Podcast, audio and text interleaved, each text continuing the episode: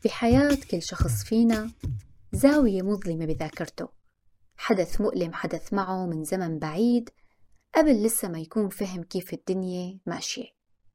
رحلتنا اليوم قد تكون مؤلمة بعض الشيء لكن أفضل طريقة لحل المشكلة هي مواجهتها. اليوم رح نلقي نظرة معمقة على جرح الطفولة لحتى نفهم سوا كيف ممكن تأثر تجارب الطفولة المؤلمة على كيان الإنسان وبناء شخصيته بطريقة لا تصدق. رح نكتشف آثار هالجرح هاد على حياتنا وعلاقاتنا مع الآخرين. وبالطبع رح أتناول بعض الحلول للتعامل مع هالجرح هاد جاهزين؟ معكم سارة فرعون أخصائية نفسية. من خلال بودكاست تكتيكات حياتية رح رافقك بطريقك للراحة النفسية. هالشي من خلال مشاركة شغفي خبرتي وقراءاتي معك. تقدري تحجزي معي استشارة نفسية عن طريق الاستمارة الموجودة بالوصف. عنوان حلقة اليوم جرح الطفولة. يكاد لا يكون هناك طفولة مثالية. جميعنا بيخطر على بالنا أحيانا صور مؤلمة أو مزعجة لأوقات عشناها خلال مرحلة الطفولة. لذكريات لأيام أو تجارب صعبة. بنحاول نبعد هالذكريات عن تفكيرنا لأنها صارت قديمة أصلا نسيناها. لكن هل نحن فعلا نسيناها؟ ولا تناسيناها؟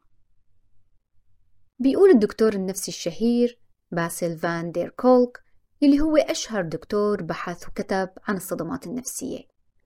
بيقول إنه كل شي بنمر فيه بحياتنا بيترك بصمة على دماغنا. لما بنتعلم شي جديد أو بنمارس الرياضة بتبدأ الخلايا العصبية بتشكيل اتصالات جديدة بالدماغ فبالواقع في تغيرات عم تصير. ونفس الأمر بيحدث لما بنمر بأزمات بالحياة أو ضغوطات لكن للأسف بشكل معاكس. لما بنتوتر ونمر بضغوطات هالشي بيؤدي لانهيار وموت الخلايا العصبية. صدمات الطفولة التجارب الصعبة والمؤلمة اللي ممكن نكون تعرضنا لها ونحن أطفال قادرة إنها فعليا تغير من طريقة عمل دماغنا وخاصة بدون وجود أم أو أب داعمين وحنونين. لما بيشعر الطفل بوجود خطر ما أو حدث مزعج بتبدأ تظهر استجابة التوتر. هالشي بيعني زيادة حادة بإطلاق هرمونات التوتر يلي بتبدأ تتحرك بالجسم. طبعا هرمونات التوتر بتخلي القلب ينبض بشكل أكبر وأسرع بتزيد من سرعة التنفس فالطفل رح يتوتر ويستغرب هالأشياء اللي عم تحدث معه وخاصة إذا ما حدا سبق وخبره أو فسر له هالشي يلي عم يصير بداخله. فممكن الطفل إنه يبكي يصرخ يصير عدواني أو ينسحب ويحاول يتجنب الموقف. طبعا هالاستجابة طبيعية وحدوثها مفيد للجسم لحتى تنبهنا أنه نحن بوضع خطير وضع, وضع غير عادي بحالة طارئة لازم نتصرف لكن لما نكون بهذا الوضع الطارئ طوال الوقت هي الهرمونات ممكن تصير ضارة لعقولنا وأجسادنا وهذا الشيء يلي بيحدث مع الأطفال يلي عانوا من صدمات بالطفولة. الضغط الناتج عن هي المواقف الصعبة يلي تعرض إلها الطفل بشكل مبكر بيخليه أكثر حساسية للمواقف الصعبة بالمستقبل وخاصة أنه مرحلة الطفولة هي مرحلة نمو مرحلة تطور للدماغ. بتمر أيام وسنوات بيكبر هالطفل وبيفتكر أنه نسي هالآلام والصدمات يلي مر فيها لكن هالشخص بعد ما يكبر بيلاحظ أنه استجابته للضغط والتوتر مختلفة. لما بيمر بأي موقف صعب هرمونات التوتر بتنفرز بشكل أكبر وبتضل متواجدة لفترة أطول بجسمه. بفكر حاله أنه نسي لكن جسمه عقله ما بينسى. جرح الطفولة هو أكثر من مجرد قصة من الماضي. جرح الطفولة هو أكثر من مجرد قصة من الماضي. جرح الطفولة بيفسر وبيشرح سبب وجود خوف غير مبرر عند بعض الأشخاص. ممكن وجود غضب أو عدم قدرة بعض الأشخاص على السيطرة على نفسهم. فالتجربة المؤلمة من الطفولة ما بتنتهي هنيك. بتستمر بالحاضر وبتنعاد مرة تانية بشكل مختلف. تنعاد ليس كقصة ولكن كأحاسيس وعواطف جسدية مزعجة وقد ما ترتبط بشكل واعي بذكريات الطفولة المؤلمة. لاحظت هالشي بشكل واضح بالاستشارات. قابلت عدد منيح من سيدات كانت طفولتهم قاسية. لما اجتازوا مرحلة الطفولة ومرحلة الشباب أو الرشد بفترة العشرينات بدأت تظهر أعراض اضطراب لقلق نوبات هلع أو اكتئاب. لكن بفضل الله وبفضل إرادتهم وإصرارهم على التعافي اتعافوا من هالشي وقدروا يسيطروا عليه. إذا مريتي بتجارب صعبة بمرحلة الطفولة فأنت مو لوحدك. هالموضوع شائع جدا. فبتشير الدراسات أنه حوالي 46% من الأشخاص سبق وتعرضوا لتجارب مؤلمة وصعبة بمرحلة الطفولة. تجارب الطفولة المؤلمة ممكن تكون أي حدث أثار الخوف وعادة ما يكون عنيف أو خطير أو مهدد للحياة مثل فقد أحد الوالدين المشاكل الأسرية الطلاق التعرض للتحرش أو الاغتصاب. ممكن كمان قد تشمل الإهمال الإيذاء الجسدي أو النفسي ممكن عن طريق الإهانات والتجريح اللفظي يلي ممكن يكون أقوى وأقسى من الضرب الجسدي.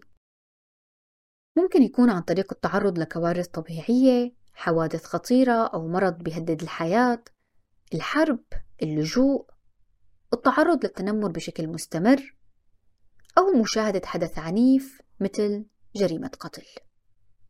فجراح الطفولة ممكن يتكون عن طريق أشياء شاهدها الطفل مو ضروري تكون حصلت معه بشكل مباشر.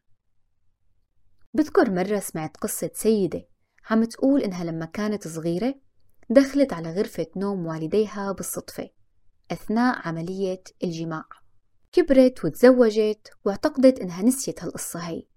لكن بعد زواجها حدثت معها مشاكل كبيرة بعلاقتها مع زوجها. هالمشاكل هي سببها القصة اللي صارت معها بالطفولة.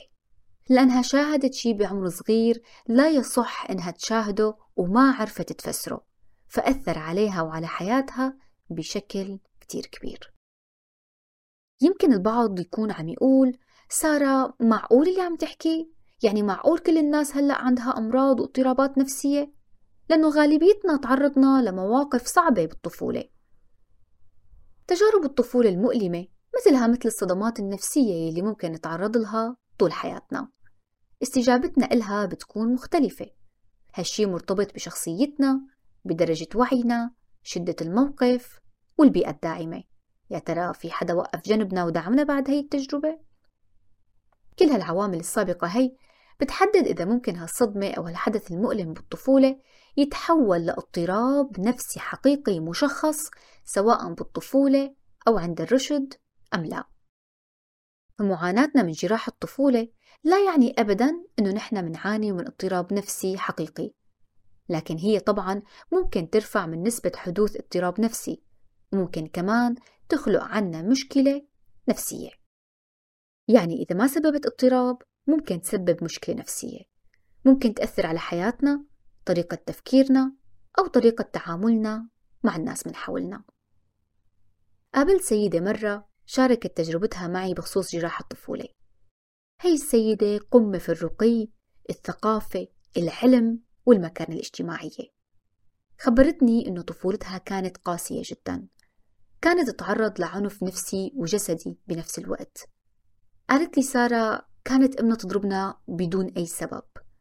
بكل مرة كانت أمي تضربني أو تهزأ مني كنت أقول أنا مستحيل أعمل هيك مع أولادي. مستحيل أضربهم أو عاملهم بهالطريقة البشعة هي. كبرت هي السيدة. اتزوجت أنجبت. للأسف بدأت تعيد دورة الحياة اللي عاشتها. بدأت تضرب أولادها وتعنفهم بسبب وبدون سبب. لأنها ببساطة اتربت على هالطريقة هي. دماغها تبرمج عليها. فما بتعرف أي طريقة تانية غيرها بالتعامل مع الأولاد. لحد ما وعيت على نفسها وقررت تلجأ للجلسات النفسية. بعد خضوعها لعدة جلسات صارت إنسانة تانية. وهالشي انعكس بشكل رائع على علاقتها مع بناتها وأبنائها حابة أسألكم كم سؤال بسرعة جاهزين؟ ما لون إشارة المرور اللي بتسمح للسيارة بالعبور؟ ما لون الدم؟ ما لون الطماطم؟ طيب ما لون الحليب؟ مين منكم جاوب أحمر؟ هالتمرين دائما بستخدمه بالورشات والدورات التدريبية لبين أهمية الأشياء اللي نتعرض لها بحياتنا اليومية بتشكيل أفكارنا. أفكارنا مشاعرنا معتقداتنا تصرفاتنا ما هي إلا انعكاس الأشياء اللي حصلت معنا اللي منشوفها واللي بنسمعها تجارب الطفولة المؤلمة ممكن تترك عواقب مدى الحياة على جسمنا تفكيرنا وطريقة تعاملنا مع الآخرين. فممكن تترك تأثير على صحتنا الجسدية. بتشير دراسة نشرت بالمجلة الأمريكية للطب الوقائي إلى أنه كلما زادت التجارب السلبية اللي بمر بها الطفل زاد خطر الإصابة بالأمراض المزمنة بوقت لاحق من حياته. وعلى وجه التحديد بتشير الدراسة إلى أن التعرض للصدمات المتكررة بالطفولة بيزيد من خطر الإصابة بالربو مرض القلب التاجي السكري السكتة الدماغية والسرطان.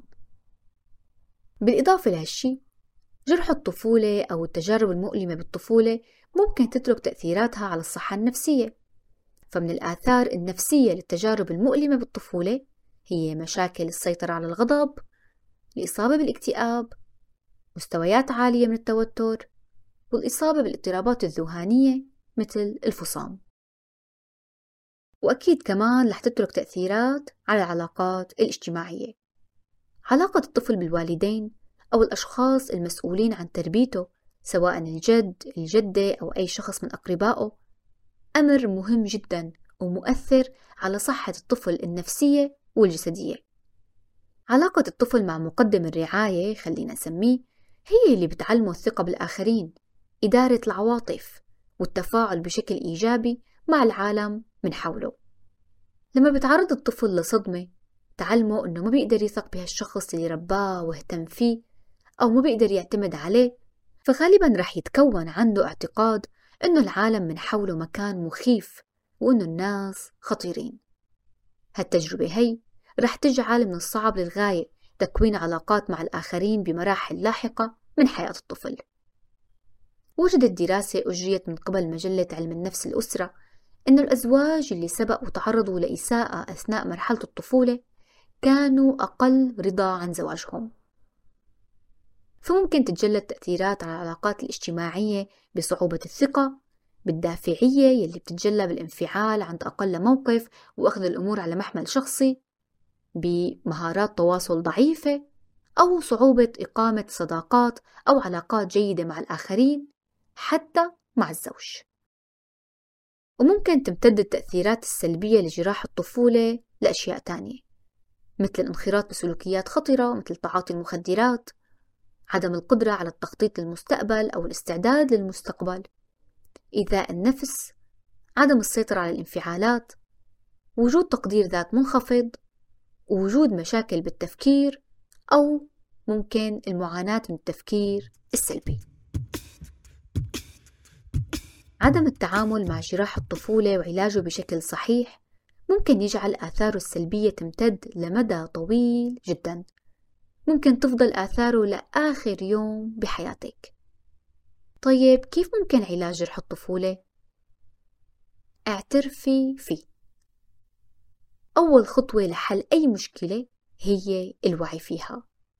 اعترفي بوجود الحدث المؤلم هاد اعترفي إنه والدتك لما كانت تقارنك بشكل دائم مع بنت خالتك كان هالأمر يجرحك بشكل كبير. اعترفي إنه والدك لما كان يعيط بوجهك دائما بسبب وبدون سبب هالأمر خلاك تفقدي ثقتك بنفسك. اعترفي بوجود هالمشاكل. اعترفي بمشاعرك. اعترفي إنه هالأشياء آلمتك زعجتك يمكن أغضبتك. تعاطفي مع نفسك. طبطبي عليها. لا تكرهي نفسك بسبب هاي الآثار السلبية يلي خلفها جرح الطفولة لأنه هالشي صار بدون إرادتك مالك علاقة فيه. بعد ما تعترفي بهالأشياء هي رح تكوني قادرة إنك تتعاملي معها بالطريقة المناسبة حسب كل مشكلة. وشو الآثار يلي تركته بداخلك؟ عيشي حياة متوازنة. الحياة المتوازنة هي اللي بتكون جامعة فيها علاقة جيدة مع الله عادات صحية مثل الغذاء الصحي المتوازن نوم جيد نشاط رياضي. بالإضافة للعلاقات الاجتماعية الطيبة الاهتمام بالصحة النفسية والسعي دائما لهدف. أوه شو هالحياة المثالية سارة؟ لحظة أنا ذكرت حياة متوازنة. حاولي توازني بين هاي الأشياء لأنه أكيد من المستحيل أنهم يكونوا دائما على نفس السوية. يوم اهتميتي بعلاقاتك الاجتماعية لكن أهملتي شوي غذائك وكان أكلك غير صحي عادي. اليوم اللي بعده اهتمي بغذائك. وهكذا. عايش حياة متوازنة. رح يعطيك القوة إنك تبدأي بالتخلص من الآثار السلبية لجرح الطفولة. ورح يساعدك إنك تعيشي براحة نفسية أكثر وأخيرا اطلبي المساعدة. من أفضل الطرق للتعامل مع الأحداث المؤلمة والصعبة من الطفولة هي اللجوء لمختص وخاصة إذا كان الحدث المؤلم اللي عانيتي منه خطير وشديد مثل الاغتصاب أو التحرش مثلا. الأخصائي أو الطبيب النفسي رح يسمعك يفهمك ويعطيكي طرق وإرشادات مناسبة إلك لتتخلصي من التأثيرات السلبية لهالجرحات. رح يعلمك كيف تتعاملي معه وتقللي من تأثيراته السلبية عليكي. ذكريات وتجارب الطفولة المؤلمة ما لها مجرد قصة حزينة حصلت بالماضي وانتهت فيها. هالأحداث تقتحم حاضرنا. ممكن يمتد تأثيرها لكل جوانب حياتنا. إنهاء هي القصة بإيدك أنت اعترفي فيها. واجهيها. تعرفي عليها أكثر لتقدري تتعاملي معها بالشكل الصحيح بعد هيك استمتعي بالتحولات الإيجابية اللي رح تمتد لكافة جوانب حياتك. ولا شو رأيك؟ خبريني رأيك بالتعليقات. تواصلي معي إذا عندك أي استفسار ودمتم دائما بصحة نفسية.